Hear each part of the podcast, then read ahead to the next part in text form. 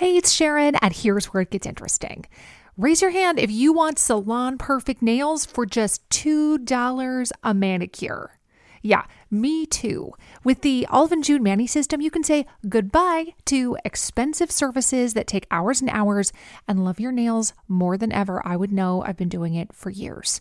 Get 20% off your first Manny system with code PERFECTManny20 at oliveandjune.com slash PERFECTManny20. That's PERFECTManny20 at oliveandjune.com slash PERFECTManny20. Many of us have those stubborn pounds that seem impossible to lose, no matter how good we eat or how hard we work out. My solution is PlushCare. PlushCare is a leading telehealth provider with doctors who are there for you day and night to partner with you in your weight loss journey. They can prescribe FDA-approved weight loss medications like Wagovi and Zepbound for those who qualify. Plus, they accept most insurance plans. To get started, visit plushcare.com slash weight loss. That's plushcare.com slash weight loss. A lot can happen in three years, like a chatbot may be your new best friend. But what won't change? Needing health insurance. United Healthcare Tri Term Medical Plans, underwritten by Golden Rule Insurance Company, offer flexible, budget friendly coverage that lasts nearly three years in some states. Learn more at uh1.com. Den här veckan är vi lyckligt sponsrade av Läkerol Dents. Det är alltså tuggpastiller som innehåller 50 xylitol. Jajamän. Xylitolet gör ju att emaljen blir hård. Eh, mineralisering kallas den processen. Det är ju fantastiskt att snaska på någonting väldigt gott samtidigt som du gör mer eller mindre underverk för dina tänder. Och Sanna, du vet ju att Läkerol Dents är min nya kompis den här sommaren. Mm. Och det passar mig perfekt för du vet ju också att jag är en pastillmänniska utan dess like. Jo tack, jag har märkt det. Mm. Det har jag i rakt nedstigande led från farmor Inga som jag tror aldrig har setts utan en Läkerolask på Katrineholms gator. Salig där uppe. Kanske finns hon i himlen. Kanske finns, har hon med sig sina pastiller i himlen. Troligtvis. Du är ju en Läkerol Dents strawberry-tjej. Men de finns också, ska sägas, i smakerna mentol och sweet mint. Och till min stora lycka, vecka 20 så lanserades också den nya smaken raspberry salmiak. Den har gått varm i bilen tur och tur till Göteborg kan jag säga. Alltså vi har ätit till förbannelse ra raspberry salmiak. Så god. Då kan jag passa på att berätta då att man inte behöver känna att man överkonsumerar även fast man eh, sitter i bilen och tuggar i sig. För tanken är om det här ska verka verkligen, den här munhygienens xylitol, så ska man ta det efter man har druckit och ätit varje gång. Tre till fyra gånger per dag, två pastiller ungefär. Det är en lagom dos Mm, för att det ska funka. ja. Och jag tänker ju att Inga var ju, farmor Inga var ju riktigt smart. Hon insåg ju så tidigt att de här tabletterna också är Jag smarta. tror inte du ska tillskriva henne allt för mycket smarthet. Jodå, jodå. Och så finns de också i en väldigt praktisk liten ask ska sägas. 36 gram, de är lätta att ta med sig i fickan eller i handväskan så Mm. att man alltid har dem tillgängliga. Och det är också så fräscht. Det är ju det som är grejen med tuggpastiller av allehanda slag. Att man också känner sig fräsch. Man doftar gott. Man är på gång. Man är beredd på både det ena och det andra. Absolut, det gillar man. Ja, och du vet ju varför jag har skaffat barnlös på min handväska. Tack Läkerol Dents i var kvinnas handväska i sommar. Det kan jag lova.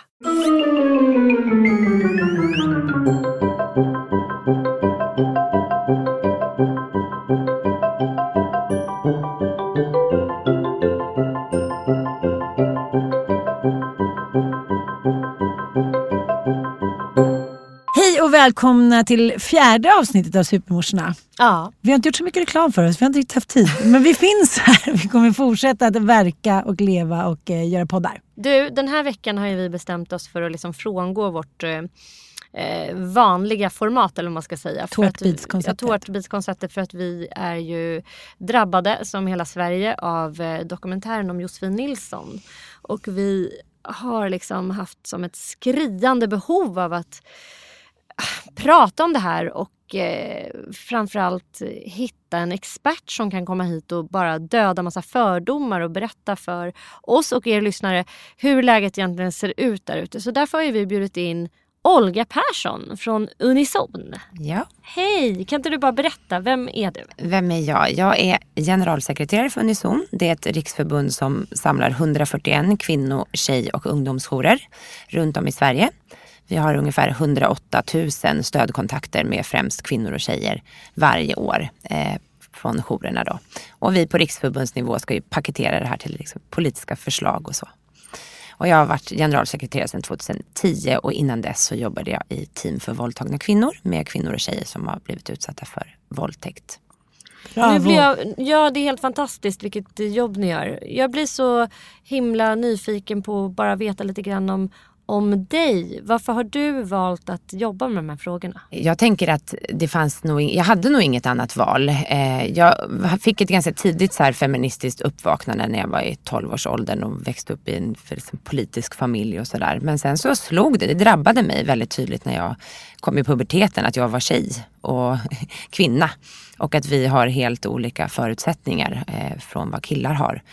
Så att jag har alltid varit engagerad på olika sätt. Liksom ideellt eller ordnat föreläsningar eller seminarium och så i skolan och sånt där. Sen så eh, har jag alltid jobbat ideellt vid sidan om när jag gjorde annat och när jag pluggade. Men jag har jobbat med säljutveckling också. och tjänade massa pengar men det var inte min grej. det är vi väldigt glada för. ja, fantastiskt att ha dig här Olga. Ja, tack. Jag har ju eh, levt tillsammans med en man som var våldsam och jag träffade honom, han måste ha varit 12-13 år senare, eh, ja, men bara liksom oförhappandes på en tillställning. Och jag såg liksom i hans blick när jag pratade med andra män att så här, jag var fortfarande hans liksom, kvinna. Han, hade liksom fortfarande, han trodde i sin liksom galenskap att så här, Ja men nu var det fortfarande jag och hon. Jag, jag såg det i hans blick. Så här, vad, gör, vad gör frugan med den där karasloken? Och jag bara så här, men herregud. Och det har jag också reagerat för då där, när Josefin Nilsson träffar då sin skådespelande man, eh, före detta man och frågar så här, hur kunde du göra sådär mot mig? För man vill ju alltid ha en förklaring. Man är ju bara en litet barn då. Så snälla säg bara, vad gjorde jag för fel? Eller du kan bara säga att du var dum liksom. Då säger jag, I still wanna kill you. Och då är man så här, hur länge, den här, det här att man inte längre har kontroll över den andra personen. Varför är det så otroligt viktigt? Varför kan så många män inte ta det? Varför kan de inte ta liksom att, att, att de blir utbytta eller jag ska säga varför men, är det så svårt? Då vill jag ställa en följdfråga. Det är så här, Ja. Varför är det så många män? Det här är också tycker jag viktigt. Så här, hur, hur utbrett är den här typen av så här våldsagent? Vi, vi ser ju att våldet ser ganska likadant ut. Att det handlar om Ja. kontroll väldigt mycket och makt. Men hur många män? Finns det några studier som bara säger ja men ungefär 10% av alla män. Eller finns det något sånt? Ja, det finns ju flera både internationella och europeiska och svenska studier. Eh, och den kändaste av dem är ju den som fick så mycket kritik som heter Slagen dam. Men den mätte ju då vålds, alltså hur mycket kvinnor som berättar att de varit utsatta för våld. Eh, och nu finns det ju flera från Nationellt centrum för kvinnofrid alltså där, som har regeringsuppdrag att följa då, eh, liksom brottsstatistiken och själva brottsofferundersökningarna. Om man ska mäta hur många kvinnor som är utsatta så gör man ju så i Sverige att man lägger ihop den officiella brottsstatistiken, alltså hur många personer som polisanmäler, med nationella trygghetsundersökningen där kvinnor själva uppger om de har varit utsatta eller inte. Vad gör det- man med mörkertalet då? De som inte anmäler, lägger man in dem också i någon procentuell hittepå? Ja, och det är ju trygghetsundersökningen då, där, som är en brottsofferundersökning. Och då får man svara på frågor kring om man har varit utsatt för brott senaste året. Och så finns det olika liksom, typer av eh, brott som man beskriver där. Och det man ser är ju att mellan en tredjedel och hälften av alla kvinnor uppger ju att de har utsatts för fysiskt eller psykiskt eller sexuellt våld under sitt liv.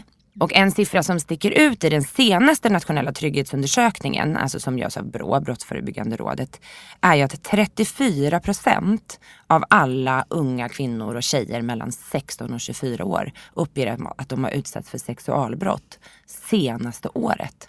Oj. Och det är ju en siffra som jag tänker är liksom, borde vara liksom headline i alla nyheter. Det, det här kom då precis för en, en månad, i januari, alltså vad är vi nu, i mars. Eh, och då är vi liksom, två månader senare så är det ingen som har liksom lyft upp den här siffran. För jag tänker den här utsattheten av sexualbrott tar ju kvinnor med sig. Om du är 16-17 år och utsätts för att någon gör det värsta mot dig, alltså går över dina intimaste gränser, din kropp som är din. Någon lyssnar inte på dig, accepterar inte ditt nej. Den erfarenheten tar du ju med dig in i dina relationer sen. Mm.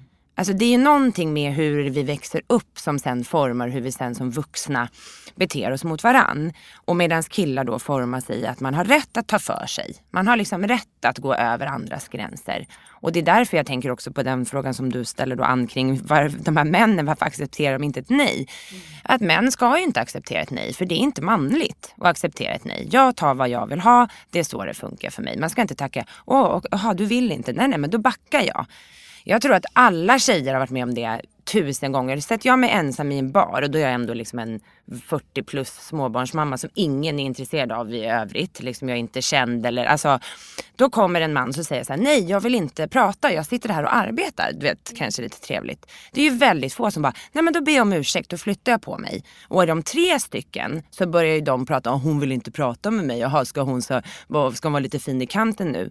Alltså det är väldigt sällan som våra nej liksom respekteras helt utan problem. Mm. Och det är ju så, någonting som man också tar med sig in i relationer. Att de här liksom mikrohandlingarna i vardagen sen när man då ska bygga, bygga kärlek eller vad man ska göra. Men det stora problemet tror jag faktiskt är att vi definierar det som så här, kvinnor som älskar för mycket. Varför blir tjejer kära i de här männen och så. Mm. Det stora problemet är ju män som älskar för lite. Mm. Det är ju ändå väldigt viktigt att hålla fokus på det det är inte ett brott att bli kär i någon eh, som är elak eller dum eller korkad eller vad det nu är. Nej för det där har jag märkt att man gärna vill så här, putta över skulden att säga men skyll dig själv. Ja. Du visste ju att han var en psyko, du visste ju att han var alkis, du visste ju att han var våldsam. Eh, ja. Typ. Ja det är ditt eget fel eftersom du attraheras ju av den typen av dominansbeteenden. Typ och så. Mm. Ja. Och det är ingen brottslig handling att göra det och han får fortfarande inte slå dig eller hota dig eller förfölja dig. Även hur nu korkade beslut vi nu tar ibland i våra liv. För det gör ju alla människor så att säga, på olika sätt hela tiden. Vi mm. äter onyttiga saker fast vi vet att det är onyttigt och allt sånt där. Men jag skulle bara vilja fråga också hur ni definierar våld. För nu senaste dagarna så har jag personligen pratat med väldigt många vänner om så här, ja, hur, har du blivit utsatt för våld eller sexuellt våld? Så här, kanske inte så, jag har inte pratat på det sättet så akademiskt, men såklart så kommer man in på det hela tiden. Och då är det en massa kompisar som säger, ja men just men gud, då sparkade han till mig på benet när han blev sur. Alltså det är så här, eh, vet, det är så här välbemedlade människor som lever fungerande liv, har vackra barn, fina barn. Och liksom, det är ingenting sånt. Utan man tänker så här, om det sker där, där faktiskt på ytan i alla fall mycket ordnat, ekonomi, liksom, stabilitet, hem. Eh, då tänker jag så här, gud, det måste vara sånt mörkertal. Och att då vi kvinnor kanske, om vi blir tillfrågade, dels har förträngt det, dels har sett det lite som en petitess.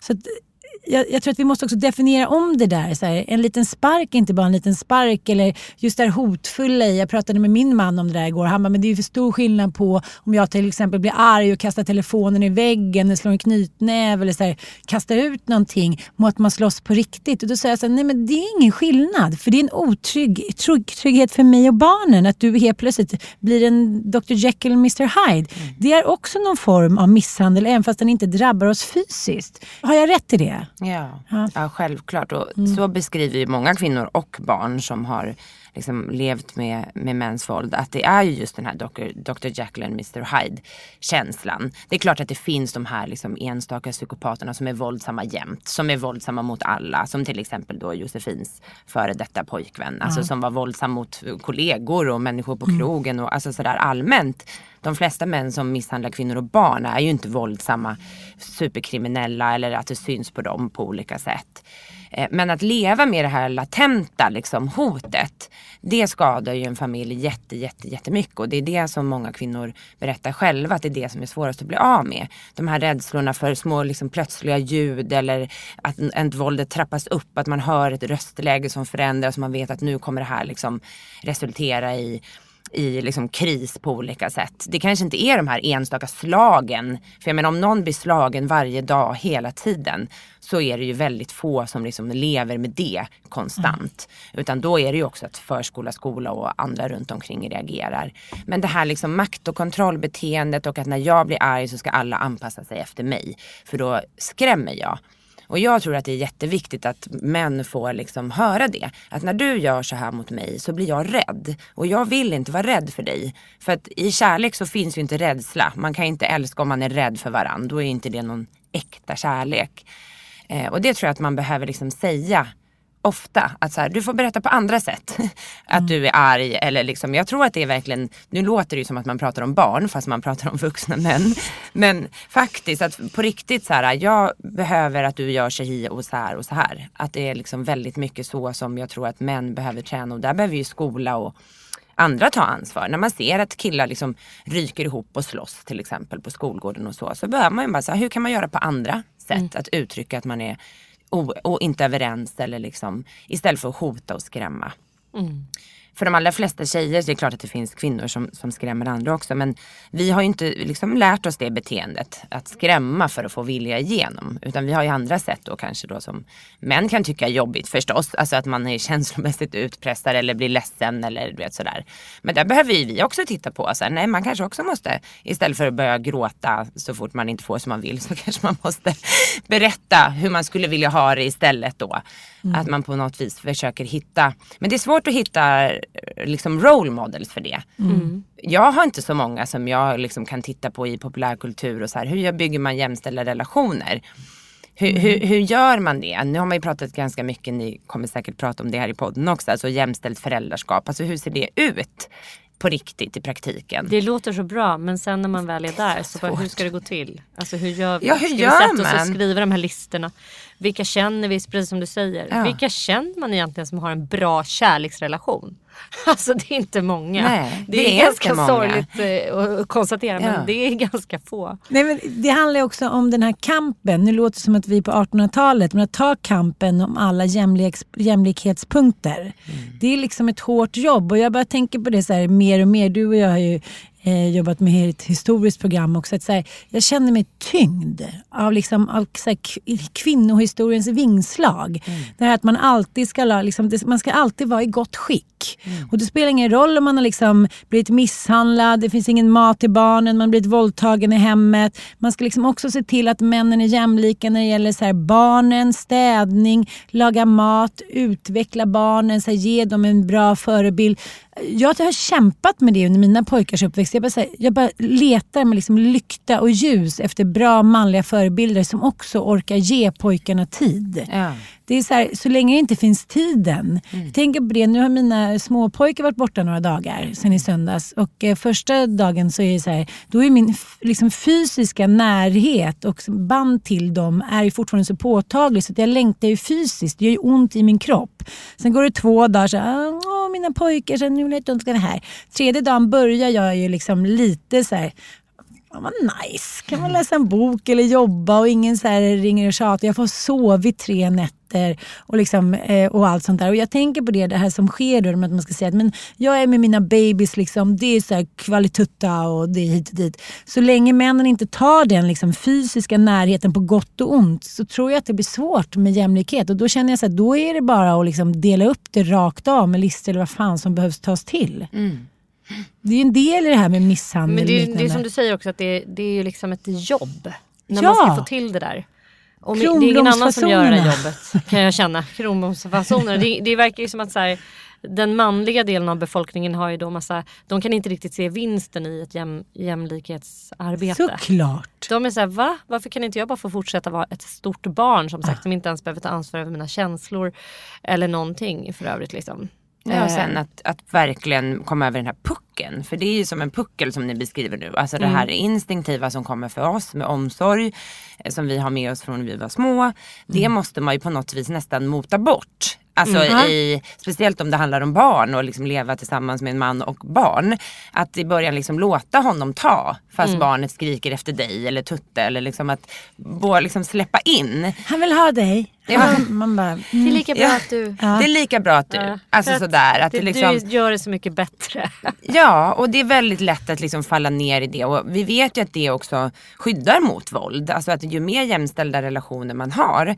Eh, och det gäller åt båda hållen. Alltså inte bara att liksom, mannen tar mer ansvar för hem och barn. Utan det är också lika eh, dåligt när kvinnan liksom, tjänar mest, har all makt, bestämmer allt. För det finns ju faktiskt sådana relationer nu också i Sverige. Alltså när man mm. faktiskt tittar på hur, vad som har hänt i Sverige de sista 40 åren så har ju det hänt mycket.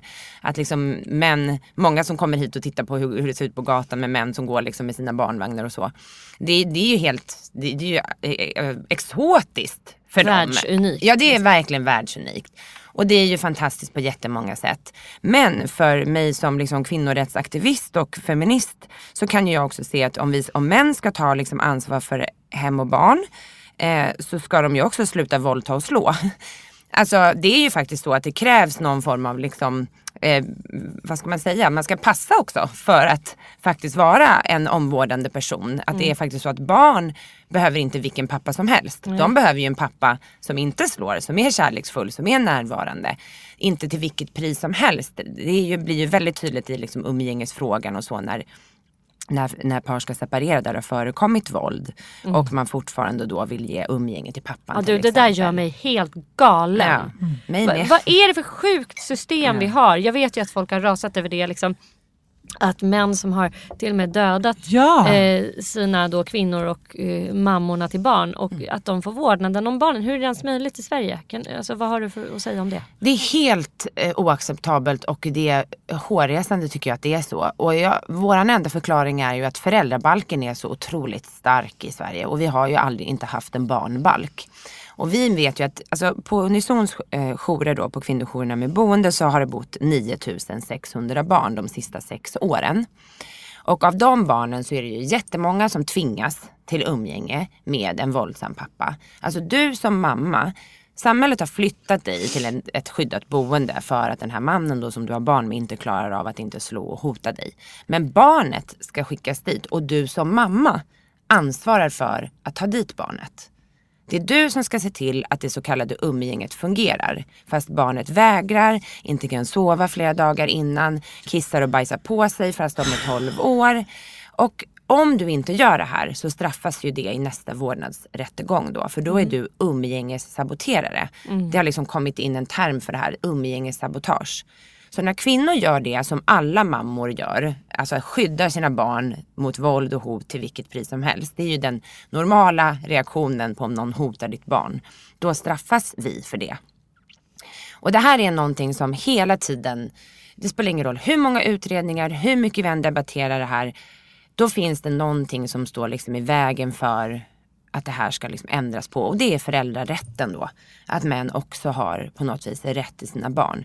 Inga föräldrar har ju rätt till sina jag tycker barn. inte man har det, man har bara skyldighet gentemot Bara barn. skyldigheter och barn har rätt till föräldrar. Barn har rätt till vuxna som vårdar och tar hand om dem. Men vi har ju inga rättigheter alls till att liksom få tillgång till våra barn och skada dem. Och jag hoppas verkligen att vi i vårt stelbenta byråkratiska samhälle kan då bli mycket, mycket snabbare och tydligare med att faktiskt säga att under tiden man bor på ett skyddat boende, om vi åtminstone kan komma överens om det, så ska det inte ske något umgänge alls med barnen för den här pappan. Och sen när han har bevisat att han har ändrat sitt beteende, för det måste vi ju ändå tro då att män kan. Även om det är klart att det ibland liksom, vi tvivlar och liksom, varför gör de inte bara det eftersom våld är ett val och så. Då kan ju man börja pröva ett umgänge efter den här tiden då på det skyddat boende. Om barnet vill. Ja, om Men om barnet, barnet vill. inte Nej. vill. Nu blev jag så sugen, kan vi inte bara backa? Och, för jag skulle så gärna vilja veta, det här är ju också en eh, det har ju sagts mycket här nu kring skådespelaren och Josefin Nilsson. Att så här, men vadå, det här var ju fan 23 år sedan. Han har väl ändrat sig, han har ju tagit sitt straff. Eh, han kan ha ändrat sig.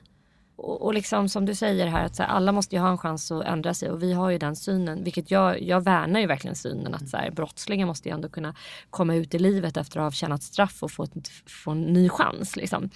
Men eh, våldsamma män, finns det några studier på det? Om man nu har tagit ett straff, hur stor är återfallsrisken? Tyvärr är det ju så att när det gäller alla typer av brott mot kvinnor, alltså sexualbrott och misshandel, all, alla den, de typer av brott som drabbar oss för att vi är kvinnor eh, Eh, och för att det finns kvinnohat i samhället. Eh, det är ju så att så extremt få personer döms. Det är väldigt få som anmäls till polisen, det väcks väldigt få åtal. Eh, väldigt många förundersökningar läggs ner innan de ens håller någon kvalitet överhuvudtaget. Och i de fall där det väcks åtal så är det också många friande domar. Mm. Och därför så är det den forskningen som finns på antalet förövare säger ju ingenting om den stora gruppen förövare. Så den är ganska liksom värdelös i mångt och mycket för den stora massan. Det är klart att den är viktig för den här liksom lilla gruppen som sitter inom kriminalvårdens, på kriminalvårdens anstalter. Där man då jobbar med olika beteendeförändrande insatser. Och det vi vet om dem är väl att de gör åtminstone inte saken värre. Det är ungefär så mycket man kan säga. Det är ju en trend i samhället idag att man ska engagera män för jämställdhet och man ska jobba med att nå unga förövare och man ska jobba med så kallad förövarbehandling då. Mm. Staten satsar ju ganska mycket pengar på det. Evidensen för de här insatserna är ju inte så stor när det gäller speciellt inte förövarbehandlingen då. Men det är ju för att allting är svårt att mäta. Alltså allt socialt arbete är ju svårt att mäta och det måste man vara ödmjuk inför. Vi kan ju inte ge upp och inte göra någonting. Vi måste ju liksom tro att det är bättre att vi åtminstone gör någonting så att de här männen ska förändra sig än att vi liksom lägger ner. Men det är otroligt få män som går hela programmen ut. Det är jättesvårt att följa över tid. Så vi kan ju kanske mäta något år eller två.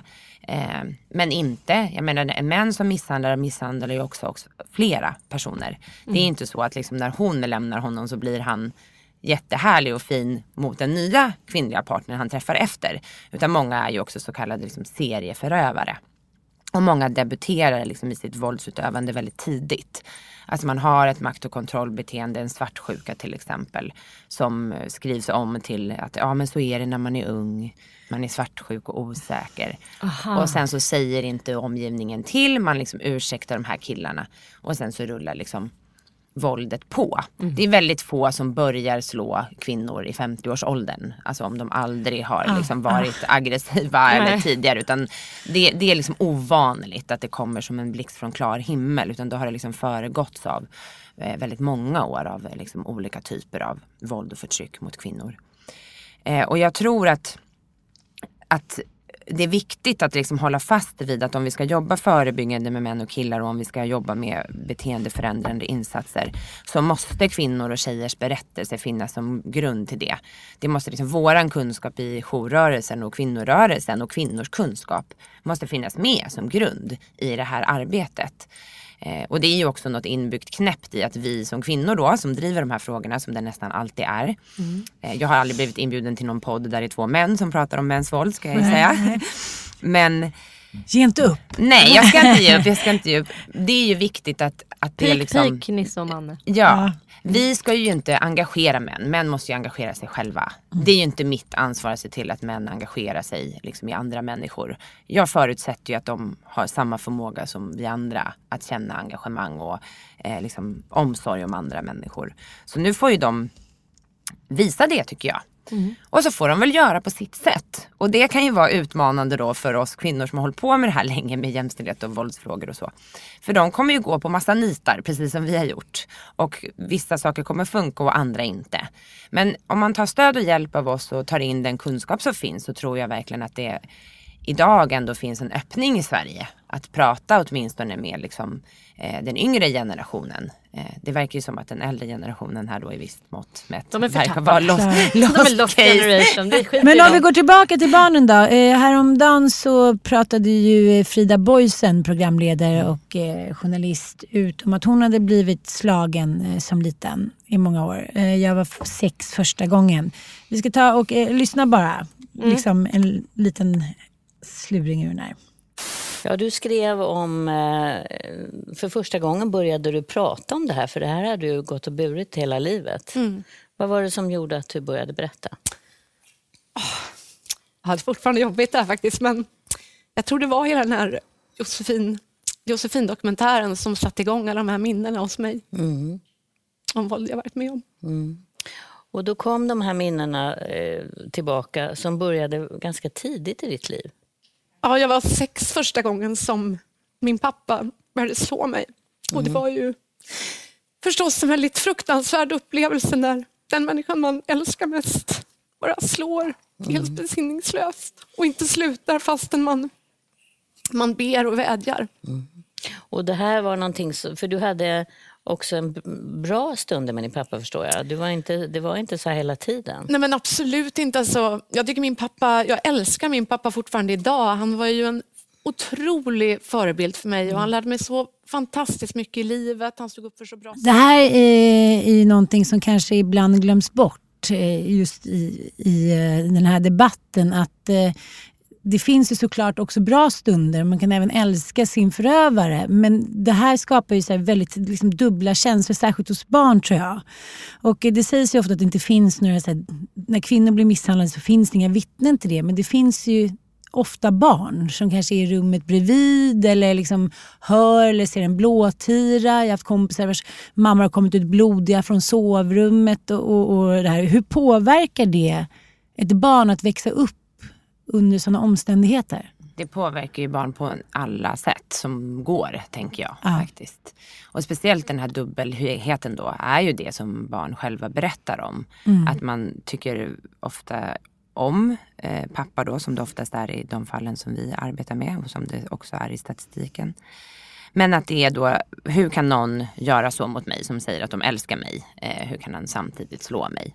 Och visar också att han älskar mig. Ja, Mm. fl- flera gånger såklart. Ja. Eh, och att det är mycket, kanske ibland så tänker jag att, att det är lättare för de barn och kvinnor där det bara har varit våldsamt och hemskt. Alltså där det, de här liksom fina stunderna är väldigt få, för de finns ju också. Alltså att det där inte finns några strimmor av ljus eller liksom kärleksfullhet och så. Men just den här växlingen då mellan våld och värme är ju det som traumatiserar verkligen. Alltså som skadar på lång sikt. Det är ju liksom våldet i sig som eh, som är så obegripligt. Och det blir förblir ju obegripligt om man inte pratar om det. Om inte någon annan vuxen kan berätta för ett barn att det här är fullkomligt fel. Så här ska det inte vara. Han får inte göra så mot dig. Och det är inte ditt fel. Det är ju det som blir så tydligt också tänker jag i Fridas historia också. Att på något vis finns det någon tanke om att det är något fel på mig och hur kunde han göra så här mot mig? Och om jag bara är lite snällare och vädjar och ber och så, så kommer han sluta. Men sanningen är ju den att det spelar ingen roll vad kvinnor och barn gör. För att våldet ger ju makt och därför så fortsätter våldet såklart. Man visar vakt, makt via via våldet. Så våldet har ju ett syfte. Det är ingenting som bara händer utan män väljer ju att utöva våld för att de tycker att det fungerar helt enkelt. Det gör ju det. Det skrämmer, man får makt av det. Och det tror jag att man behöver hjälpa barn att väldigt tydligt sätta ord på på olika sätt. Eh, att det här händer. Och att människor kan vara både onda och goda samtidigt. Men att det ena är en brottslig handling och inte får hända helt enkelt. Det här får ju inte existera. Här ska ju samhället reagera oavsett om barnet älskar sin pappa eller längtar efter sin pappa eller vill umgås med sin pappa. Så behövs det jättetydliga eh, ingrepp faktiskt i det. Att nej men det går inte. Du kan inte träffa pappa nu. För han är våldsam och han har inte ändrat sig. Han vill inte. Han har inte bett om ursäkt. Han har inte tagit ansvar ta ansvar och faktiskt eh, liksom be om ursäkt är ju en jätte jätteviktig del i att komma ur olika typer av eh, beteenden. Det vet ju alla som jobbar med missbruk eller vad det nu kan vara. Men när det gäller våld så finns det någon tanke om att man liksom bara ska Sluta. Ja, bara sluta och bli förlåten av sig själv. Man ska helt enkelt inte behöva säga då som man att jag har gjort det här, jag har slagit, jag har skadat, jag har skrämt. Varför är det så? Och jag, ja, det är fruktansvärt. Jag kan inte svara på det. Men jag tror att det handlar om att hela samhället ansvarsbefriar män hela tiden. Att vi helt enkelt accepterar. De får ju fortsatt jobba kvar. De blir inbjudna på middagar. De får göra precis som de vill. Eh, Det blir inga konsekvenser varken i vardagen eller i rättssystemet. Och det är ju det som i längden bidrar till att det här får fortgå. Helt klart. För jag menar, om ett, ett beteende har för stora kostnader för dig själv så slutar de allra flesta. Det är ju så, men om det inte kostar dig något så fortsätter du. Och om det ger också då givetvis, en, alltså, om du får det du vill av att utöva våld så kommer du ju givetvis fortsätta. Men jag tror att det är viktigt också att eh, också titta när det handlar om att prata med barn, att eh, visa på vilket motstånd de har gjort. Alltså hur mycket handlingskraft de har visat. Jätte, jättemånga barn eh, gör ju väldigt mycket motstånd. De till exempel skyddar mamma, går emellan när det blir bråk. De försöker avleda när, det, när, de, när de hör och ser. Barn kan ju läsa av på liksom sinnesstämningar och ljudnivå och sådär, röstläge. Precis vad som ska hända. Då försöker de distrahera, hitta på en lek eller eh, låtsas att de hade liksom en mardröm så mamma måste komma och sova hos mig. Alltså de har ju, är ju hur påhittiga som helst för att liksom avstyra och se till att pappa inte slår eller blir arg. Och om de blir bekräftade i det, alltså det modiga, att så här, vad modig du var som gick och gömde dig eller vad modig du var eh, som hittade på den här leken så att det inte blev bråk och så. Så blir barn väldigt, väldigt stärkta och då får man tillbaka ju egen, liksom, att du har en egen kraft. Mm. Livet är inte bara någonting som, du, som händer runt dig utan du kan faktiskt också påverka och att du har rätt att leva utan våld och att det är vuxnas ansvar att se till att det är så. Det är inte ditt ansvar. Men vi ser ju också att det är jätteoroligt för de här barnen i skolan förstås. Och jättemånga blir ju felaktigt diagnostiserade med olika typer av liksom, eh, bokstavskombinationer för att de normalt adekvat reagerar på en hemsituation som är tortyrliknande. Och då blir man orolig i skolan. Man blir arg, man blir rädd. Man vill, liksom, man vill vara hemma och vakta mamma. Eh, och man förstår helt enkelt inte varför det här händer. Hur pappa då som ibland kan vara så snäll också kan vara så fruktansvärt skrämmande. Och det jag tror män som förövare måste förstå, eller alla män, att om man är rädd för någon så finns den rädslan där hela tiden. Även under den här tiden när han då är snäll det finns en underliggande liksom rädsla hela tiden som omöjliggör en riktig nära och intim kärlek. Mm. Och kärlek från barn till föräldrar är ju så att säga gratis. Den har ju vi fått gratis. Det är ett förtroende, det är ett liksom, paket som vi får, en jättefin gåva när vi har möjlighet att få barn. Och den ska ju vi förvalta. Eh, så att, att barn säger att de älskar sina föräldrar, ja men det säger nästan alla barn eh, faktiskt det hör på något vis till. Sen finns det också de som verkligen hatar eh, den våldsutövande pappan. Mm. Som blir jätteirriterad när vi sitter och säger att barn älskar sina föräldrar. Det är okej att älska också. Ja, men, och men... förlåta. Eller vissa mm. vill inte ja, alls förlåta, nej. vill inte ha med den personen. Då måste man acceptera det också. Mm. Mm. Men eh, de, de här mekanismerna som du talar om, det är, ja, men det är exakt samma i eh, de flesta utsatta situationer. Som till exempel, vi har skrivit mycket om anhörigskap och medberoende. Mm. Och jag känner igen mig så tydligt, säkert du också Sanna, när man är liten och min pappa då var onykter, man på en fest eller hemma. Alltså man var tvungen att skydda sin mamma. Liksom från, det behöver ju inte vara, det förekom aldrig någon misshandel i, i, liksom i vårt hem. Men just det att jag då som hjälten som det kallas då i såna medberoende termer. Det finns fyra olika typer av så barnroller man kan ta då. Och jag var då hjälten. Jag skulle på det där sättet då se till, prata med pappa. Då, Hur var det när du var liten? Och, och pappa kolla här. Eller jag gick emellan när de skulle pussas. Eller när han var, liksom, jag fick hela tiden så här, ha, avleda, woho! Lilla papegojan. Och eh, det här är ju såklart att, att jag kände mig liksom, eh, som en hjälte som lyckades då rädda situationen eller mamma. Men du och jag pratade om häromdagen eftersom i, liksom, i min uppväxt finns det inget våld överhuvudtaget. Pappa var ganska så här, en banal nallebjörn som ibland blev för full. Liksom. Så jag, jag har liksom inget minne av att jag någonstans har sett eller våld. Det var ingen, liksom, det var ingen psykisk eller fysisk misshandel. Pappa var liksom väldigt snäll, eller alla runt omkring. Jag har inget minne i alla fall av att något sånt ska ha hänt. Men hamnar då ändå i en eh, våldsrelation. Och då pratar vi om det där, alltså, den föreställningen är också att man ska ha sett det själv, upplevt det och sen hamnar man... Man har normaliserat mm, det liksom redan mm, som barn och att mm. om man själv har upplevt eh, våld i hemmet så har man större risk att själv hamna i en sån situation. Mm. Det är i alla fall en vanlig föreställning. Jag tycker jag hör mm. den teorin lite så slänga. Lite grann som att så här, är du uppvuxen i en alkoholistfamilj så kommer du söka dig till en sån relation. Liksom. Mm. Men det finns ju faktiskt mig vetligen inga studier som visar att det faktiskt är så. När det gäller kvinnor så finns det inte någon sån korrelation nej, vad vi nej, vet. Nej. Däremot så är det att eh, pojkar som växer upp med en våldsam pappa. Mm. Där, det kan vara en riskfaktor för att själv utöva våld. Mm. Eh, så att men att kvinnor på något vis skulle då internalisera liksom offerrollen, mm. det, det finns ju inget sånt. Sen är ju liksom mäns våld mot kvinnor så vanligt. Mm. Alltså det förekommer ju så himla ofta så de här studierna blir nästan lite meningslösa. Om vi tänker mm. att hälften av kvinnorna ändå uppger att man har varit utsatt mm. på något sätt. Det så måste det finnas inga. jättemycket män som också ja. är våldsamma. Mm. Så att det är nästan som man skulle fråga hur gör man för att träffa någon som inte är våldsam, som mm. inte är mm. liksom, har makt och kontrollbeteende. Eh, det är inte lätt tänker jag för unga tjejer i den kulturen vi lever i nu. Att liksom titta på liksom all populärkultur på sociala medier, hur män framställs, hur kvinnor framställs. Titta på hela porrindustrin.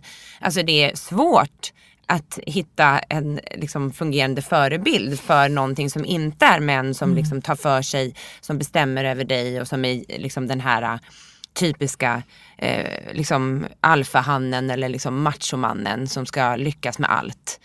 Men jag får inte ihop de två rollerna för många män som jag ser eller som jag känner de verkar inte ha liksom någon stolthet i att vilja vara någon jämlik man eller ens vilja vara någon som liksom tar tag i och står upp för familjen eller frun eller något sånt där. Och ändå så vill de andra sidan ha kvar sitt epitet som så här machomän och liksom det, är som att de inte behöver offra eller göra någonting för att ändå få vara kvar i härligheten. Mm. Och Det kan jag tänka under min uppväxt. Jag såg ju bara starka kvinnor. Jag tyckte alltid så här, männen, vad ska de vara bra för? Ja, men de får väl jag tyckte aldrig att de tillförde någonting. Och då kan jag tänka så att jag hamnat i de här situationerna som till exempel med en misshandlande man eller missbrukande man handlar om att jag har alltid sett män som inte har liksom egentligen gjort någonting för att förtjäna att få vara i den här gemenskapen eller i kärleken men, eller betett sig illa och ändå har de fått vara kvar. De har blivit älskade, de har fått vara med på påskmiddagar, de har blivit mm. älskade av liksom kvinnor, barn, det är som du säger, det har aldrig blivit något utmätt straff Nej. som har blivit kännbart. Nej. Och Det är så tydligt tycker jag även i vardagslivet att så här, män kanske allt från att de inte har något jobb eller liknande och sen är det någon auktoritet som säger ifrån. Deras pappa, någon chef, någon kompis de respekterar. Och det kan det vara någonting som man själv har liksom bett om i åratal. Mm. Som helt plötsligt korrigeras inom loppet av en vecka. Ja. För det är liksom det är rädd, och det, det, jag kan inte förklara något annat än kvinnohat. Jag kan inte det. Nej, det är jätte, det är grunden till allt tror jag. Vi lever i ett samhälle som hatar kvinnor och som inte värdesätter det som kvinnor gör eller säger eller tycker eller står för. Eh, och vi är så himla snälla så att de får vara med ändå, alla män utan att liksom bidra med någonting. Men det som spelar roll är när man inte får med i den manliga gemenskapen. Ah. Det är då det svider för män, så mm. är det. Och det säger vi i hela kvinnojoursrörelsen. Nu är ju Unison inte könsseparatistiskt. Man får vara med som man, man får engagera sig hur mycket man vill. Eh, och det har alltid varit så. Eh, och det några män, ganska många, blir fler och fler som engagerar sig, som vill. Men vi har ju inte förändrat någonting för att de ska vara med. Och vi får alltid höra, hur inspirerar ni dem? Hur gör ni så att de känner sig välkomna? Vi gör ingenting. Det här är det som gäller, vill du vara med eller inte? Det tror jag är jätte, jätteviktigt att kvinnor skapar egna sammanhang, egna rum och även liksom våra barn. Att vi lär dem att kompisar och andra kvinnor och tjejer är det viktigaste. Mm. Och inte tävla liksom om mäns bekräftelse och vad de tycker om allting det får komma som sekundärt. Liksom. I första hand har man sina tjejer. För det är det som också kommer förändra världen och det visar ju all forskning, i, alltså all forskning kring bistånd eller vad som helst. Ger man liksom biståndspengar till kvinnor så bygger de samhällen. Ger man det till män så eh, spelar de eller super bort det. Ja, köper vapen. Så det är ju också i det stora liksom, makroekonomiska sammanhanget så, så är det verkligen så.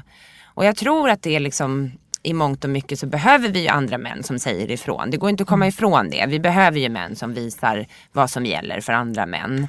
Eh, och att de vågar liksom stå upp för att stå på kvinnors sida.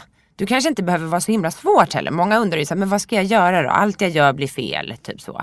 Mm. Alltså lyssna på kvinnor, ställ på hennes sida. Säg, det kan räcka vid en middag eller vad som helst. Eller på det. Jag håller med henne. Men jag måste ändå... Det är jättelätt när kvinnor pratar, håll med. Ja absolut. Men jag måste ändå få eh, diskutera lite grann här. För, för att eh, nu är vi överens om att så här, mäns våld inte straffas, de kommer undan med det och de har, det är ett aktivt val och de har vinster av det. Men, men jag vet inte riktigt om jag håller med om att det alltid är så.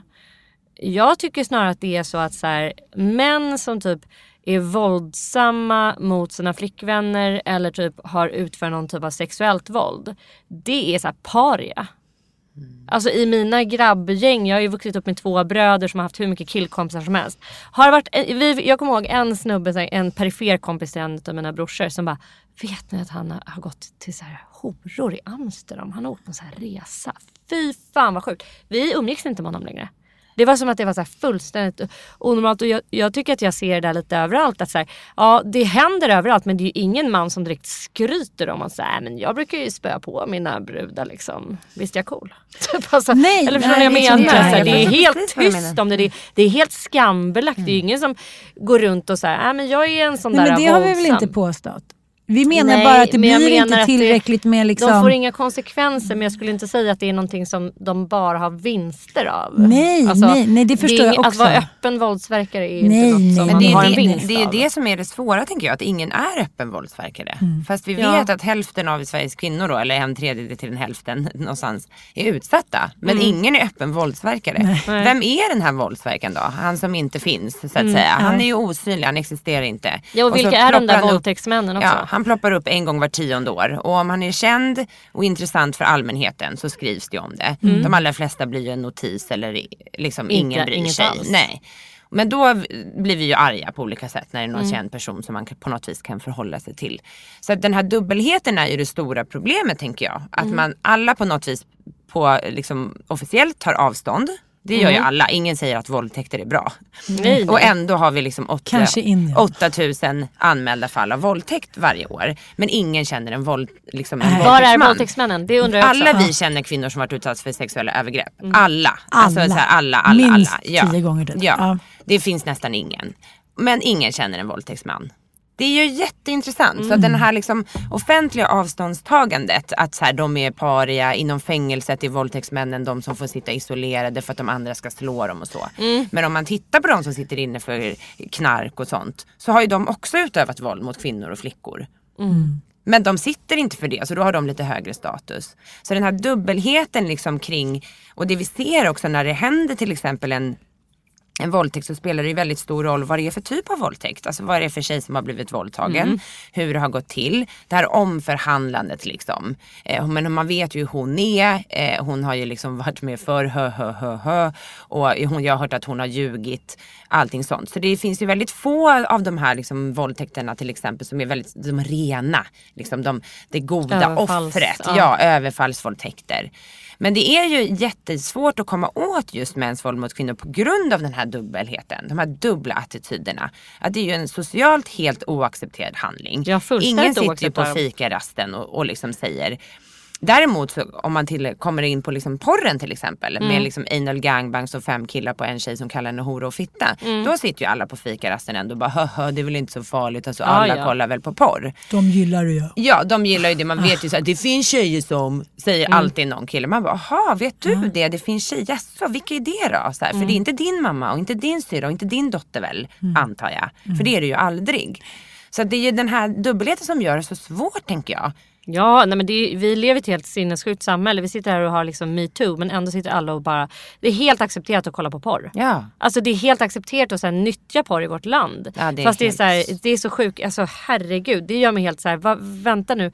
Vad är det som händer? Alltså det är extremt förvirrande framförallt för unga, För unga. vuxna som sen ska komma ut i livet och så referera till Alltså deras första möte med sex är ju ofta porr, eller det är ju det. Ja. Men så här, titta, vad, vad är det genomsnitt att de är åtta år och har sett sin första p-rulle på liksom, Ja? 11 och ett halvt i alla fall för några år sedan och det blir ju liksom Ja, det går ju mindre. neråt. De Och det liksom- jag, alltså nu när vi har hållit på och jobbat så mycket med det de sista åren, alltså det, de bilder som vi får fram på två klick och som alla tittar på då idag med Mm. liksom antalet visningar och sökoptimering och så som är på de stora porrsajterna.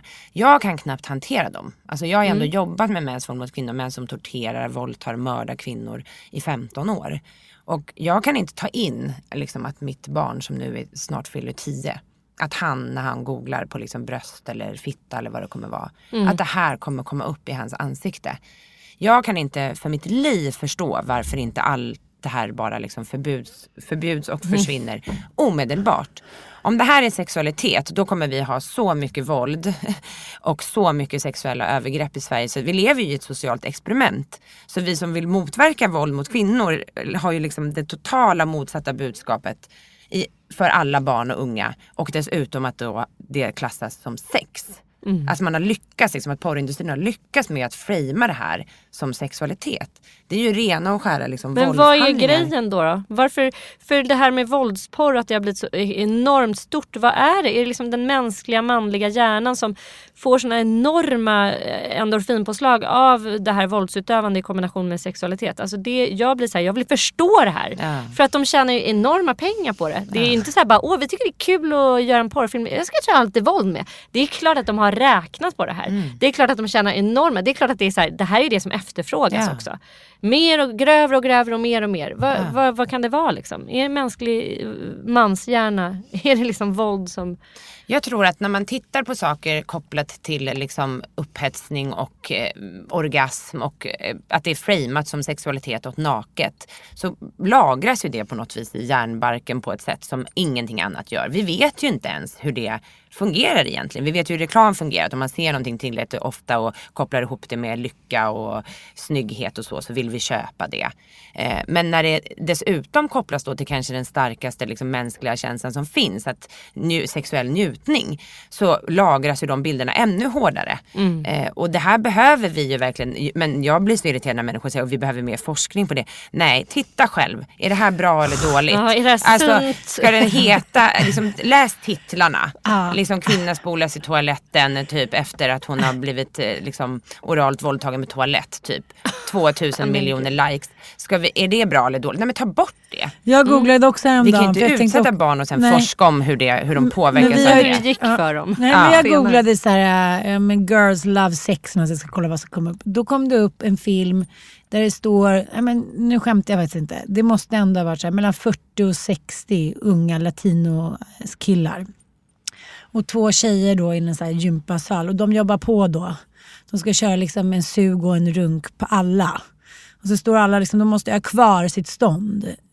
Alltså, nej men jag bara säga, det var det som kom upp då, liksom kvinnor och sex och kärlek typ. Då kom den upp, hur de så här, jobbade febrilt och de andra stod. Och då känner jag så här, då är det bara makten det handlar om. Att det Ja. är så jävla njutbart. Och jag tänkte på det en Känner gång. vi någon kvinna som skulle vilja suga av 40 män i en Nej, men alltså om inte jag hade blivit liksom Liksom- lagrad i, i liksom porrfilmer eller liknande, att jag skulle så här, daska ballen i ansiktet, då skulle jag väl aldrig gjort det. Varför vill jag daska en snopp i Ja, ansiktet? men vem gör det liksom? Ja, alltså, vad är det? Det är så otroligt konstigt. ja, Du men blir också- otroligt upphetsad, eller hur? aha, okej, dask är dask.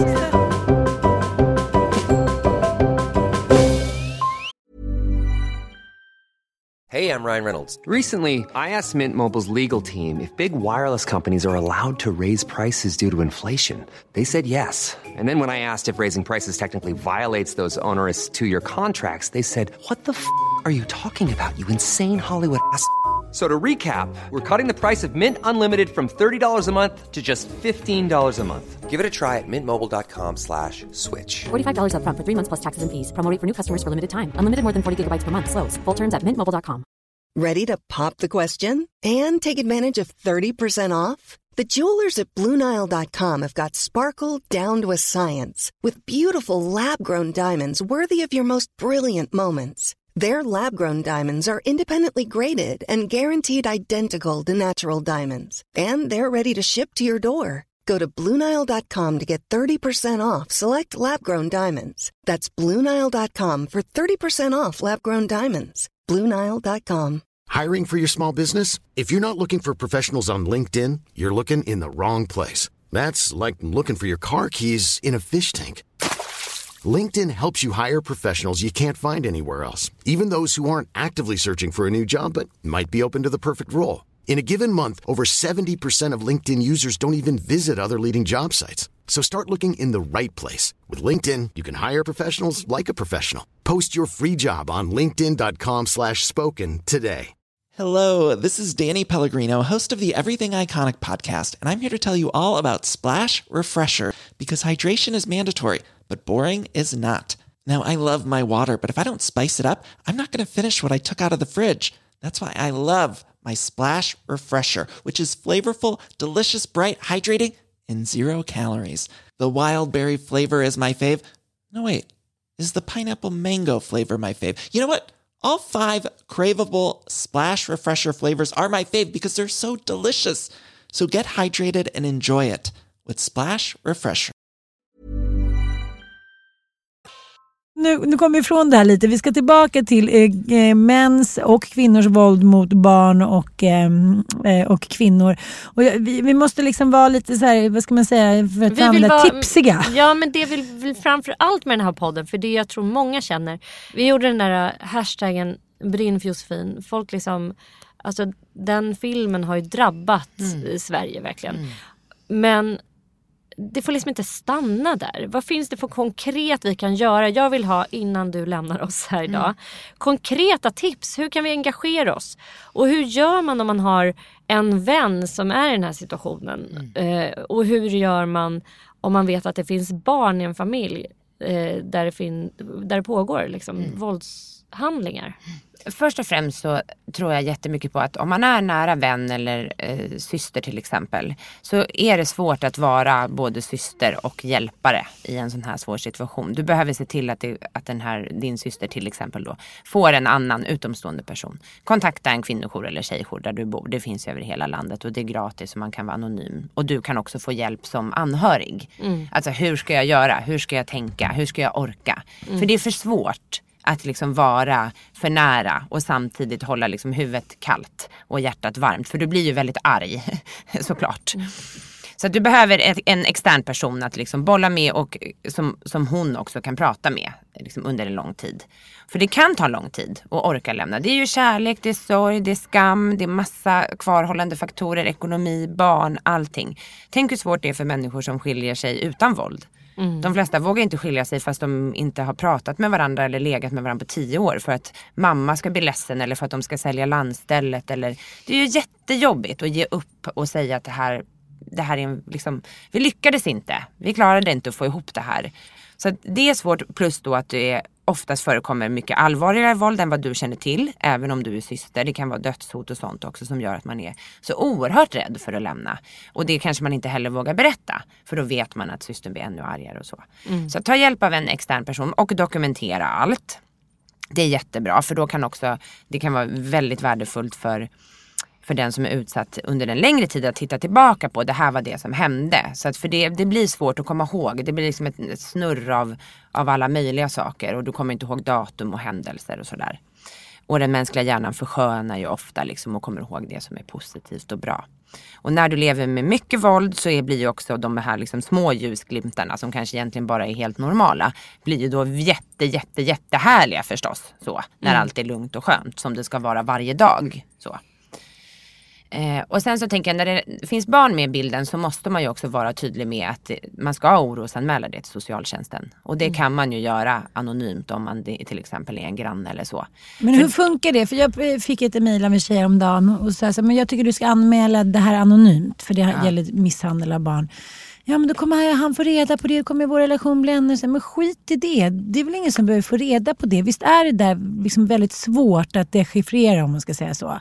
Att om du anmäler anonymt, då är du anonym. Ja. Sen kan man kanske misstänka Ja, sen är det ju såklart ett förtroendebrott. Att, alltså kvinnojourerna till exempel anmäler ju aldrig kvinnor anonyma, alltså till socialtjänsten. Nej. Även om alla barn som har levt med våld är ju per definition i socialtjänstlagen brottsoffer mm. och ska få stöd och hjälp i sin egen rätt, inte bara via mamman. Mm. Eh, men det gör man ju aldrig bakom hennes rygg utan man säger så här, nu gör vi det här för att du ska få stöd och hjälp och barnet ska få liksom tillgång till samtal Eh, och, och, så. Sen så måste vi ju såklart säga att socialtjänsten är överarbetad, då resurserna är bristfälliga och så. Eh, men man ska ändå alltid göra det så att det finns. För kommer det in flera anmälningar och socialtjänsten ska ju omgående inleda då en utredning när det är liksom fara för barn. Eh, och det är ju när de lever med våld. Eh, och sen är det också så att om man lever i en familj som barn där pappa slår mamma eller så, så är ju också det den största riskfaktorn för att du själv som barn ska vara misshandlad. Alltså om det förekommer då våld mellan föräldrarna, oftast pappa mot mamman, så är det också jätteviktigt att man tänker på det. Att det här är, och det är bättre att göra för mycket än att göra för lite. Det är alltid bättre att lägga sig i än att vända bort blicken. Mm. Och det säger alla kvinnor liksom som som vi träffar i, på jourerna. Att de kan komma ihåg den här enda liksom, kollegan som vågade säga, jag ser att det inte står riktigt rätt till. Hur mår du egentligen? Alla andra som tittade bort medverkar ju till att det här fortsätter. Sen kanske hon inte är redo och kommer bli inte jätteglad första gången du säger det. Nej, men precis. när hon är redo så kommer hon tacka dig och komma ihåg dig. Och det kan vara liksom den här saken som faktiskt puttar, puttar Mm. henne vidare. Och sen försöka vara det här liksom vikarierande hoppet att det kommer ju inte vara så här för evigt utan det kommer bli bättre även om du nu inte ser en endaste utväg. Och sen så brukar jag tänka också att de här killarna runt omkring förövaren, alltså det finns ju liksom det finns ju faktiskt män runt den här mannen också som slår och utsätter. Att de måste ju också våga säga, alltså jag tycker inte du behandlar din tjej schysst. Jag tycker inte det här är okej. Jag har faktiskt en, en anekdot på det temat. Min eh, mamma, eh, en av hennes bästa vänner, blev ordentligt, alltså under flera, flera år misshandlad av sin man. Eh, och det, det var så här, ingenting hände. Hon kom och bodde hos oss periodvis eh, tillsammans med sina tre barn. Och min mamma var väldigt, väldigt engagerad i henne. Men inget hände. Så här, gång på gång. soci- skolan anmälde till socialtjänsten. Inget händer. Förrän när de båda två jobbade på statlig myndighet. Eh, och till slut så var det liksom deras gemensamma arbetskompisar som bara, vi, vi tar inte det här längre. Så de eh, bestämde möte med honom på en krog i Stockholm. Och det var bara män då, i alla fall, deras manliga kollegor. Och spöade skiten ur honom. Inget jag vill uppmana människor till att göra. Men det fick det att upphöra och det gjorde att han accepterade att hon ville skilja sig. Det- att han liksom, ja. Det var så här, män som stod upp för henne. Mm. Att det fanns liksom tio manliga kollegor där på, på den här gemensamma arbetsplatsen. Han blev också om, omplacerad så att hon inte behövde arbeta på samma avdelning. Liksom. Öga för öga, tand för tand. Typ. Mm. Men just för sagt, barn... Jag vill inte uppmana till någon typ av våld här men, men just att i alla fall, man kanske inte behöver gå så långt men att våga säga ifrån, att våga ta ansvar. Och, för där tycker jag män verkar eh, ofta hör så här, jag vill inte lägga mig i. Det är Ja. ofta någonting jag hör både från män och kvinnor. Så, här. Nej men det är inte vår grej och vi vet ju faktiskt inte riktigt vad det är som händer och hon är ju rätt galen själv, det vet man ju. Hon- förstod inte att det var så galet. Mm, de dricker ju rätt mycket båda två också. Ja. Så att, Vi får inte glömma nu innan vi blir alldeles för långrandiga, det är att ta upp alkohol och drogers inverkan på just misshandel. Men jag vill bara också säga att eh, risken att begå självmord, att själv utsättas för sexuella över- övergrepp, dras in i kriminalitet och själv utöva då våld mot sin partner. Det är då eh, liksom en, ja, risken är högre för barn som har vuxit upp i våldsamma hem än för andra barn. Jag tycker bara att det är bra att påpeka de här grejerna, för vi har ju också pratat om att när vi har levt i våra medberoendeförhållanden, att så här, nej men de märker inte, vi är så bra på att kamouflera, lite dålig stämning, så här, tända lite mer ljus eller hit och dit. Alltså, det, har- det har varit så, var en sån liksom uppvaknande för oss att de märker ju varenda liten liksom, ton som ändrats eller i luften, så här, man kan ju skära med knivar hit och dit. Så att, så här, det här är ju liksom forskning kring det här. Att man, om man stannar kvar i ett förhållande med våld så utsätter man sina barn för resten av livet. Och Det är jättejobbigt att höra och man blir jätteledsen särskilt när man kanske har levt i en sån relation. Men, men är det inte så att man måste gå? Ja, män måste eh, acceptera att du går. Ja. Mm. Sen brukar jag faktiskt tänka så här, om du som man tycker så himla illa om din kvinnliga partner så att du måste kalla henne för hora och fitta och slå henne och kränka henne hela tiden. Så kan du också gå därifrån. Och varför gjorde du det? Varför stannar Ja. du Mm. kvar? Vi borde ju ändra hela diskussionen. Mm. Varför stannar män kvar i relationen när de tycker så illa Mm. om sin kvinnliga partner? Lämna! Om hon är så hemsk Alltså, och dålig. Det borde vi fråga. slå på henne, Ja. absolut. Men motboken som, eh, som fanns i Sverige då för att eh, eh svenska regeringen eller så, så här, ansåg och insåg att liksom, svensken höll på, svenska mannen höll på att supa ihjäl sig. Supa upp liksom, sina pengar, eh, slå sina fruar och sina barn. Så att liksom, jaha, vad gör vi nu? De gjorde en jävla drastisk åtgärd. De liksom fick människor att gå in med en liten bok som kallas för motboken på systemet. Den skulle då godkännas i fyra olika instanser. Hade du inte skött dig sen sist eller gjort någonting, då fick du inte köpa någon alkohol.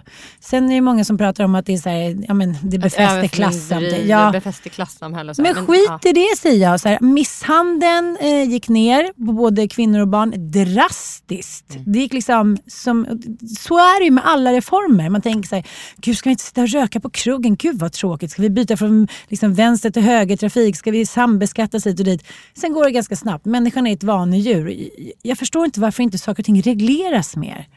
Men jag tänkte fråga, hur, eh, liksom, i vilken utsträckning slår män under rus om man kan säga så?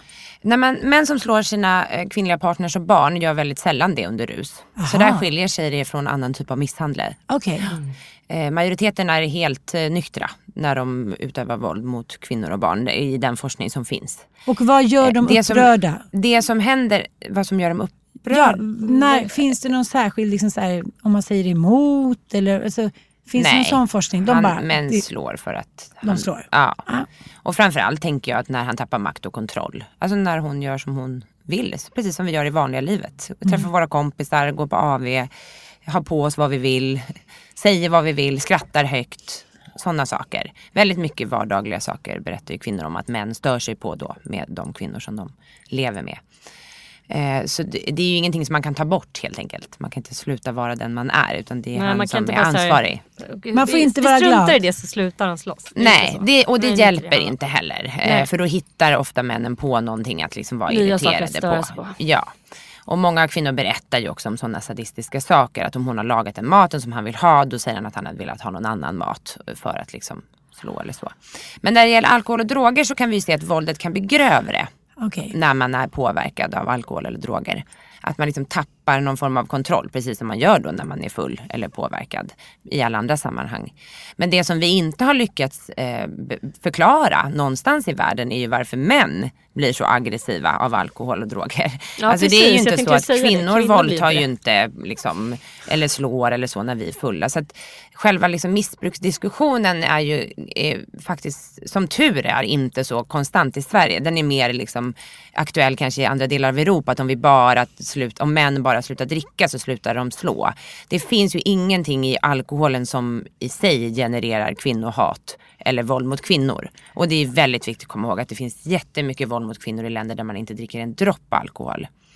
Men att det får män att tappa kontrollen, det är väl liksom, och att de ofta själva skyller på alkoholen. Jag var ju full. Ja. Och att de utsätter varandra för våld också. Ja, för att jag menar jättemycket våld. våldsbrotten, alltså misshandelsbrotten. Jag tror att eh, motboken eh, den, den drog ner liksom misshandelsåtalen. Men, men man kan tänka sig att de hade en helt annan statistisk apparat då också. Ah. Det här med kvinnor, Mm. alltså våld mot kvinnor i hemmet. Det var, jag tror inte de ens hade någon, något Nej. sätt att räkna det kanske. Och kvinnor som har ett missbruk är jätteutsatta för våld Mm. av män. Och det är ju jätteviktigt att komma ihåg där att det är klart att missbruk spelar ju roll i det här sammanhanget. Framförallt så skapar det ju en jättestor sårbarhet hos kvinnor som har ett missbruk. Mm. Eh, och det är ju en extremt utsatt grupp. De är utsatta av våld både liksom av andra män som missbrukar men också liksom av människor på gatan och sådär på olika sätt. Som liksom, de är lägstående i, i samhällets ögon och har också väldigt svårt att få stöd och hjälp eftersom många bara ser deras missbruk då. Jag menar de ska ju ses som kvinnor som är utsatta för våld och få stöd och hjälp för det. Eh, och sen missbruket också förstås. Men missbruksvården är ju väldigt könsblind. Det känner ju ni till bättre. Eh, Men jag, jag, jag förstår inte då, om, jag tänkte i början av det här programmet att man då på något sätt skulle varna kvinnor för de här männen, att de på något sätt skulle ha en, en röd nejlika i liksom knapp på eller liknande. Men när det är så här många som är utsatta, alltså det blir svårt Då är det att ju ge varannan karl. Det är Ja, liksom- allmänna inte- råd. Så här, Go lesbian, eller så här, jag vet Nej men det är självklart att man, men också framför allt att, att om man ser varningssignaler i början, till exempel svartsjuka då som alla romantiserar så himla mycket. Liksom att min kille vill inte att jag ska göra si så för han älskar mig så mycket och han vill inte att andra killar ska kolla på mig och så här bla bla bla. Det är ju en varningssignal. Jätte, jättemycket. Svartsjuka är ju allvarligt och också inte någonting som vi ska romantisera eller tycka är härligt och kul. Men tittar vi på alla filmer och hela populärkulturen så romantiserar vi ju svartsjuka hela tiden. Men det är ju någonting där man ska säga, jag accepterar inte att du liksom försöker styra mitt liv. Och det kan ju vara ett litet test. Då ser man ju, om man säger ifrån på det viset så ser man ju vad som händer då. Om han liksom säger att ah, jo men det har du faktiskt rätt i. Det är min dåliga självkänsla som gör att jag inte vill att någon annan ska vilja ha det. För jag tänker att du kanske inte kommer vilja ha mig då. Jag är ju inte tillräckligt bra för dig. Och sen så liksom lägger det sig. Det var bara någonting som kommer. Det är klart att alla kan känna svartsjuka ibland. Eller för att man själv känner sig dålig eller ful eller otillräcklig. Mår dåligt, Ja, man är Ja. låg liksom. Och Ja. bara "Åh, alla hatar mig. Ja. Men det är ju om han då fortsätter hävda liksom att så här, du, jag bestämmer, du får inte göra så. Alltså då vet man ju vad som gäller. Så, så jag tror på att ändå ställa lite så här tydliga frågor i början och så här när man träffas.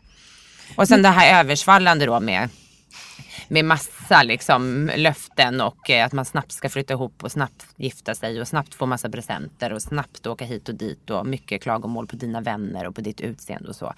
Det är ju det här klassiska som ändå fortfarande väl, är väldigt, väldigt vanligt. Att då kanske man ska, nej jag vill faktiskt inte det. Eller nej, jag tycker det känns konstigt att bli bjuden så här mycket i början. Jag vill gärna ha min egen. Liksom. Att ha de här liksom, lite testgrejerna eh, i början tror jag ändå är viktigt. Men sen är det hans ansvar att han väljer att slå eller utsätta dig. Så det är ju inte kvinnors ansvar. Vi ska ju inte behöva gå runt och tänka så här, är han våldsam. Det Liksom. ska jag undvika. Liksom. Nej men det Ja. går inte att leva så. Det går ju verkligen Jag tänker också det här med så. ansvar. Att så här, jag har några killkompisar som har känt svartsjuka och känt att det här funkar inte. Och direkt så här, först ringde Kry. Så här, Gud, jag känner mig svartsjuk, vad ska jag göra? Sen få tid hos en terapeut. Och gått tio gånger och sen har ju det varit botad. Det handlar ju också om, om situationssvartsjuka ibland. Jag tänker att män måste på ett liksom helt annat jävla sätt ta ansvar för sina brister. Som dålig självkänsla som många män har för att de tror att man inte behöver liksom prestera, leverera någon, liksom i de mjuka värdena och ändå bli älskad. Och så helt plötsligt får man inte det. Det är ju ett otroligt hot. Ingen vill ju bli utslängd i kylan. Det är det värsta som kan hända att man inte får med samhörigheten. Liksom. Ja. Så jag tänker så här, ta de där känslorna på allvar, både kvinnor och män. Och om, liksom, ställ krav på mannen. Så att du får gå försök och liksom få hjälp med det, annars så vi hörs sen. Ja. För det som jag har reagerat på liksom, hos några bekanta och vänner det är att man säger att det finns att det tar lång tid, sakta men säkert blir man nedbruten och vänjer sig till det. Jag har träffat kvinnor som har blivit nedbrutna på liksom några veckor. Från att ha varit starka, självständiga kvinnor till att vara liksom lallande vrak utan någon liksom sj- självständighet kvar överhuvudtaget. Så jag känner lite så här, ta de där värden, vänta inte heller för länge för då kan det typ vara för sent. Mm. Stämmer det? Ja, och ta hjälp. Mm. Våga berätta. Och det tycker jag ändå att samhället har blivit mycket bättre. Nu pratar vi i alla fall om de här Men nu frågorna. vill jag bara Ja. sist att vi ska avrunda med vad har blivit bättre? Vi måste få lite hopp här. Du som ändå har jobbat i 15 år, eller hur? I den här branschen. Eh, kan du ge oss lite hopp? Vad efter metoo? Har det hänt någonting tycker du? Jag tycker inte det kanske har hänt så mycket just i och med metoo mer än att det var liksom en ny våg av kvinnor som gick samman och berättade sina historier. Nu är, står vi ju inför nästa steg. Alltså hur ska politiken då, för det är där ansvaret ligger. Vi behöver ju eh, åtgärder helt enkelt. Inte bara att de här berättelserna finns, även om de är värdefulla i sig. Men jag tycker att det har hänt otroligt mycket. Lagstiftningen förändras hela tiden till det bättre. Sen måste den ju såklart implementeras och liksom följas upp på olika sätt. Men att kvinnor också vågar eh, berätta, det är inte lika skamfullt faktiskt idag att säga. Att jag, jag hoppas och tror att om det som hände Josefin skulle hända idag så skulle ändå kanske eh, vi har reagerat annorlunda och hon hade fått liksom, stöd och hjälp på ett annat sätt. Eh, och jag hoppas ju verkligen också att vi kan se, och vi ser små embryon till det i alla fall, att liksom män och killar faktiskt tar ställning emot. Och det behöver ju inte innebära någonting annat än att man faktiskt bara säger så här, jag tror på henne, jag håller med dem, jag tycker det är bra att tjejer tar mer plats. Och jag tycker det är bra att liksom tjejers berättelser får höras. Man behöver inte säga någonting mer, det behöver inte vara så himla svårt. Liksom. Men sen så ser vi ju också manliga ledare som vågar liksom gå ut och säga att de här frågorna är viktiga. För det är ju också en statushöjning som behövs. Det kan inte vara så att de som jobbar på polisen har liksom de sämsta lönerna och sämsta arbetstiderna. De som jobbar med att utreda brott mot barn till exempel. Det ska ju vara de som är liksom internationella insatsstyrkan typ. Alltså verkligen, för det är ju våra viktigaste frågor och alla människor tycker ju det i sig. Alltså, v- det kommer alltid högst på så här politikerrang, alltså barn och hälso och sjukvård och allt det här som är då så kallade mjuka värden. Det är ju det som människor, det är väldigt få som säger att försvaret är deras viktigaste fråga. Känner ingen faktiskt. Inte jag heller. Inte jag heller. Man bara, Men sen va? återkommer vi till det där personliga ansvaret som jag hade en lång diskussion med, med en killkompis om igår. Att han tyckte då att man alltid i en eh, sån här relation då, eh, där det blir någon form av maktmissbruk har ett eget ansvar. Och sen när vi hade pratat en timme då var han inte lika säker längre. Han är själv uppväxt med föräldrar som har misshandlat honom. Kommer från en annan kultur och liksom, han försökte, han ringde SOS, han sa i skolan, det var så här, det föll mellan stolarna. Till slut, så, precis som du berättade om, så tand för tand, så bara slog han ner sin pappa och sen slutade allting. Och det här är ju faktiskt, liksom, det är på något sätt en liten saga då, men sen dess har, det varit, eh, har de varit jättefina och snälla hit och dit. Men det här är ju liksom 25 år sedan. Och de har ju, eller 20 år sedan, och de har fortfarande inte pratat om det. Och jag tänker att när man tar tag i en sån här stor demon, det är ju helt vedervärdigt. Så det är det jobbigaste man har varit med om. Men det kan ligga liksom för så mycket annat som man inte kan förklara. När man har en sån där demon som man inte liksom orkar bearbeta. Så vad säger du om så här, förlåtelse och att man ska acceptera och, och gå liksom tänka att det där kan bli en god människa, den som förövaren. Kan offret, som, måste man förlåta eller liksom tro gott om den andra? Nej, det måste man verkligen inte. Eh, det kan dessutom ändras över tid tänker jag. Ibland kan man ju känna att man har förlåtit och sen så helt plötsligt bara, nej aldrig i livet. Jag har inte förlåtit någon. Alltså, det ser vi också på alla kvinnor att det går upp och ner. Jag tror generellt att det som spelar roll är ju då beteendeförändringen och att man behöver rensa luften. Den här historien om att man inte har pratat om det sen man slog ner sin pappa. En man som återigen utövar våld så att man får stopp på våld. Och det är så man då fick tillbaka makten på något sätt att göra likadant som pappan gjorde då. Mm. Eh, och sen inte prata om det. Men å andra sidan så är det så här, ja alla familjer har ju sitt. Och ibland så kanske man inte kan prata om allt, jag vet inte. Men det man ska komma ihåg är ju i alla fall att allt går att prata om, om man vill. Det är inte farligt att prata, ord kan ju inte döda i sig. Allting går, du får fråga, sen får ju människor bestämma om de vill svara eller inte. Och du, att du aldrig kan begära förlåtelse av en annan människa. Det tror jag är jätte, jätteviktigt. Även om du är så att det, om det är du som är förövaren. Du kan säga förlåt men du kan aldrig liksom begära att en kvinna ska acceptera det. Och ofta när kvinnor säger ja, jag förlåter dig så är inte det heller sant. Kanske vi ska skicka ut till, till alla män där ute. Utan det är något man säger. Så, men det är inte så på riktigt. Utan det som spelar roll är ju att man förändrar sitt beteende på riktigt och tar ansvar för att det inte ska bli så igen. Att jag ska göra allt jag kan för att inte det ska hända igen. Men ska, kan offret ta då något ansvar? För jag sa till Sanna igår, hur, i hur dåligt skick måste man vara då för att fråntas ansvaret att man inte gick? För det sker hela tiden Leaving Neverland, som precis som Michael Jackson, groomingen, mammor som har tittat bort i alla tider, pappor som har tittat bort. Eh, liksom, vad har man för ansvar själv som offer? Har man överhuvudtaget något moraliskt ansvar i såna här relationer? Alltså har man barn i en relation så är det såklart att du alltid har ansvar för dina barn. Det, det går ju inte att komma ifrån det. Och sen så tror jag att det är viktigt att tänka inför dig själv att du har ansvar för ditt liv. Att inte tappa den här känslan av att det är faktiskt jag som styr mitt liv.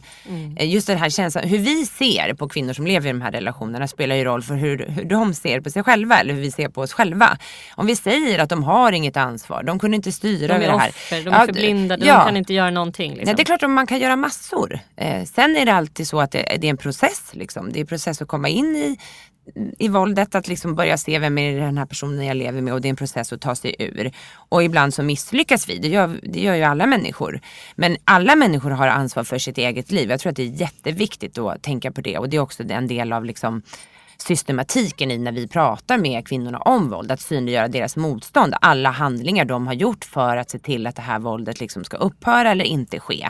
Och det är ju det som sen ger kraft. Inte att prata om kanske normaliseringsprocessen, hur hon bröts Mm. ner och försvann och självkänslan finns inte. Utan verkligen bara, du gjorde ju massor. Tänk att du hade ett jobb, att du hade tre barn Mm. och att, de liksom, att ni lever, att nu du har en ny lägenhet. Alltså, allt det här som kan ge förlåtelse kraft. mot sig själv. Ja, Men det är ju verkligen. en väldigt så här, alltså det är en väldigt, eh, jag skulle säga att det är, en, det, det är nästan som att någon så här slår en på käften när de säger så här, varför gick du inte? Det är, det är väldigt liknande, alltså vi som har levt med män i aktivt missbruk som ju också åsamkar liksom stor skada i familj Mm. och för barn. Att liksom, det är det man får höra, så här, men varför gjorde du inte slut? Alltså det är Mm. alla som har levt i det eh, får, ju, får ju den frågan. Ja. Men vadå, hur kan du leva med en sån? Och hur kan du, hur kan du Mm. utsätta dina barn för det här och sådär?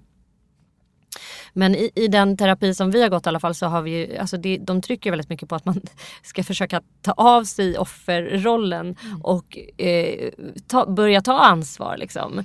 Eh, och även om det kan vara jävligt provocerande i början så är det ju liksom det det är det som gör att man klarar det sen. Att någon så bygger upp en inifrån och bara du kommer klara det här. Kolla, ja, men som du säger, att så här, titta på allt som du faktiskt har gjort här. Ja. För att eh, komma ifrån det här eller för att försöka sätta gränser och sådär. Det hjälper inte att någon bara talar om för en att man är så här, är helt förtappat offer som inte liksom Så gäller ju att allting om du har gått upp i vikt eller vad som helst. Om du säger, någon säger fan vad tjock du du borde sluta äta nu. Då börjar man bara äta ännu mer. Det blir omvänt. Ja, omvänd psykologi. Ja men absolut. Men det finns en jäkla okunskap om det här Mm. eh, hos gemene man. Och framförallt så finns det ju en väldig massa fördomar som vi är väldigt glada över att du har hjälpt till att krossa i det här samtalet.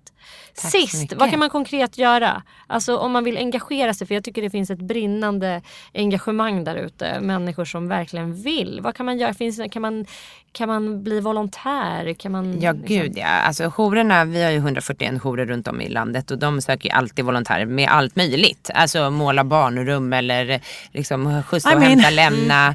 Alltså det behöver inte vara så att man sitter i samtalsgrupper eller liksom sådana saker. Eller sitter i telefonjour eller chattjour. Utan det finns ju mycket, mycket praktiskt. Som är kanske det viktigaste faktiskt för de kvinnor som sen lämnar med små barn och börjar ett nytt liv. Att man också har den här praktiska hjälpen. Vi är ibland väldigt besatta av liksom de här samtalen och så. Mm. Men när man glömmer att det är väldigt mycket praktisk hjälp. Och sen så kan man ju givetvis arrangera små föreläsningar, seminarium på sina egna arbetsplatser. Det tycker jag är jätteroligt när folk gör. Det kan ju vara helt, alltså ett lager eller vad som helst. Alltså prata om de här frågorna på det sättet.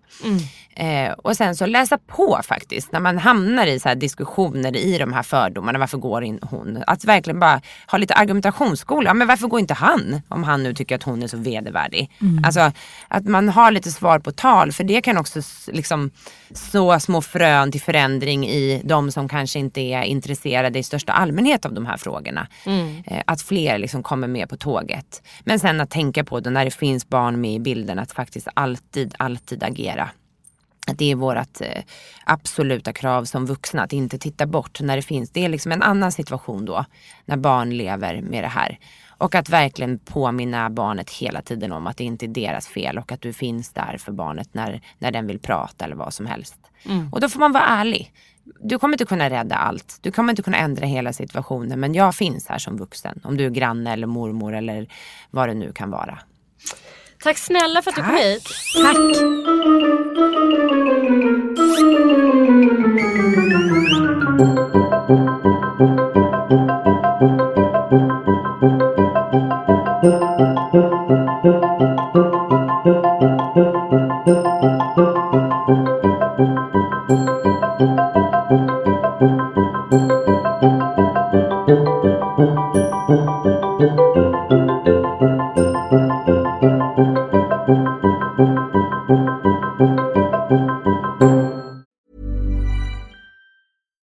This is Paige from Giggly Squad, and I want to talk to you about Splash Refresher and my water intake. Okay, so you guys obviously know that I'm a hydrated girly, but sometimes when you drink that much water, it starts to just taste bland, and you're just like, I need something to spice it up. That's why I love Splash Refresher.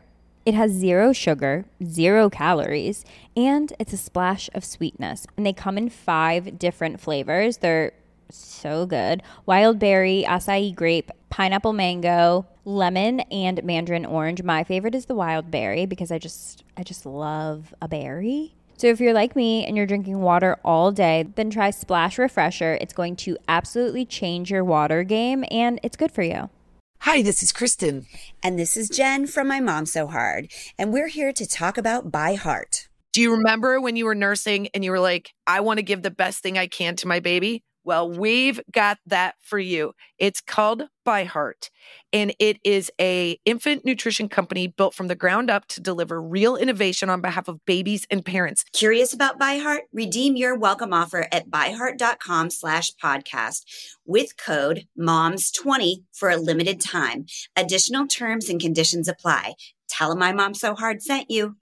Imagine the softest sheets you've ever felt. Now imagine them getting even softer over time. That's what you'll feel with Bowl and Branch's organic cotton sheets. In a recent customer survey, 96% replied that Bowl and Branch sheets get softer with every wash. Start getting your best night's sleep in these sheets that get softer and softer for years to come. Try their sheets with a 30-night guarantee. Plus, get 15% off your first order at bowlandbranch.com. Code BUTTERY. Exclusions apply. See site for details.